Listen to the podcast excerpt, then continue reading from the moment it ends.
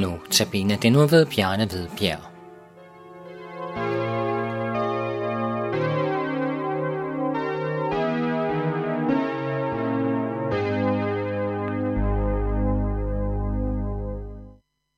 I 1. Korintherbrev kapitel 1, vers 18 læser vi. Farvel er ordet om korset en dårskab for dem, der fortabes, men for os, der frelses, er det en Guds kraft. Et par mænd stod uden for mødeteltet en sommeraften og nød det dejlige vejr. De fik sagt mange ting til hinanden.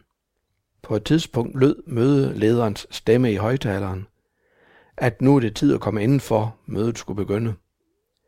Den ene af de to sagde til den anden, Nå, så må vi vel hellere gå ind igen og høre om, at vi er syndere. Hvad er det, du hører, når du hører verset, jeg læste op? Et trist og nedslående budskab om, at vi er syndere og fortabelsen venter?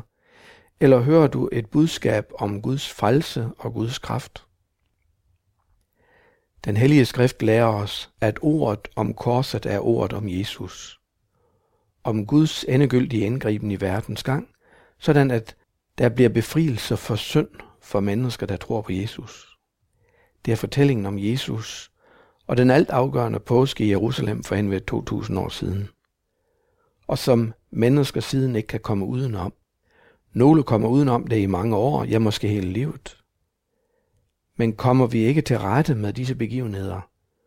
Kommer vi ikke til rette med noget som helst? Jo jo, mennesker kommer godt igennem mange ting. På Nytestamentets tid opstod tanken, at det var bedre ikke at forkynde evangeliet, for det så ud til, at de mennesker, der ikke havde hørt om Jesus, havde det lettere end de kristne. Så det er ikke en ny tanke. Men Jesus sagde, at det ikke gavnede et menneske at vende hele verden, hvis han skulle bøde med sin sjæl. Og det er det, jeg tænker på, når jeg siger, komme til rette med noget som helst. Jeg finder først mig selv, når jeg finder Jesus.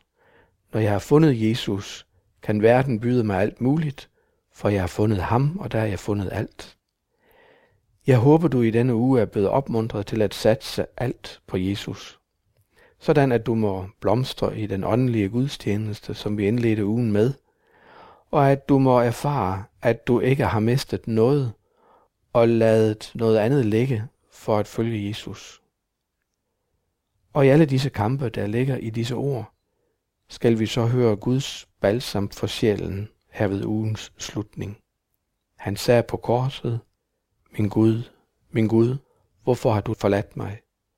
Og efter en kamp nærmest sukkede han igennem de tørre og sprunkne læber. Det er fuldbragt.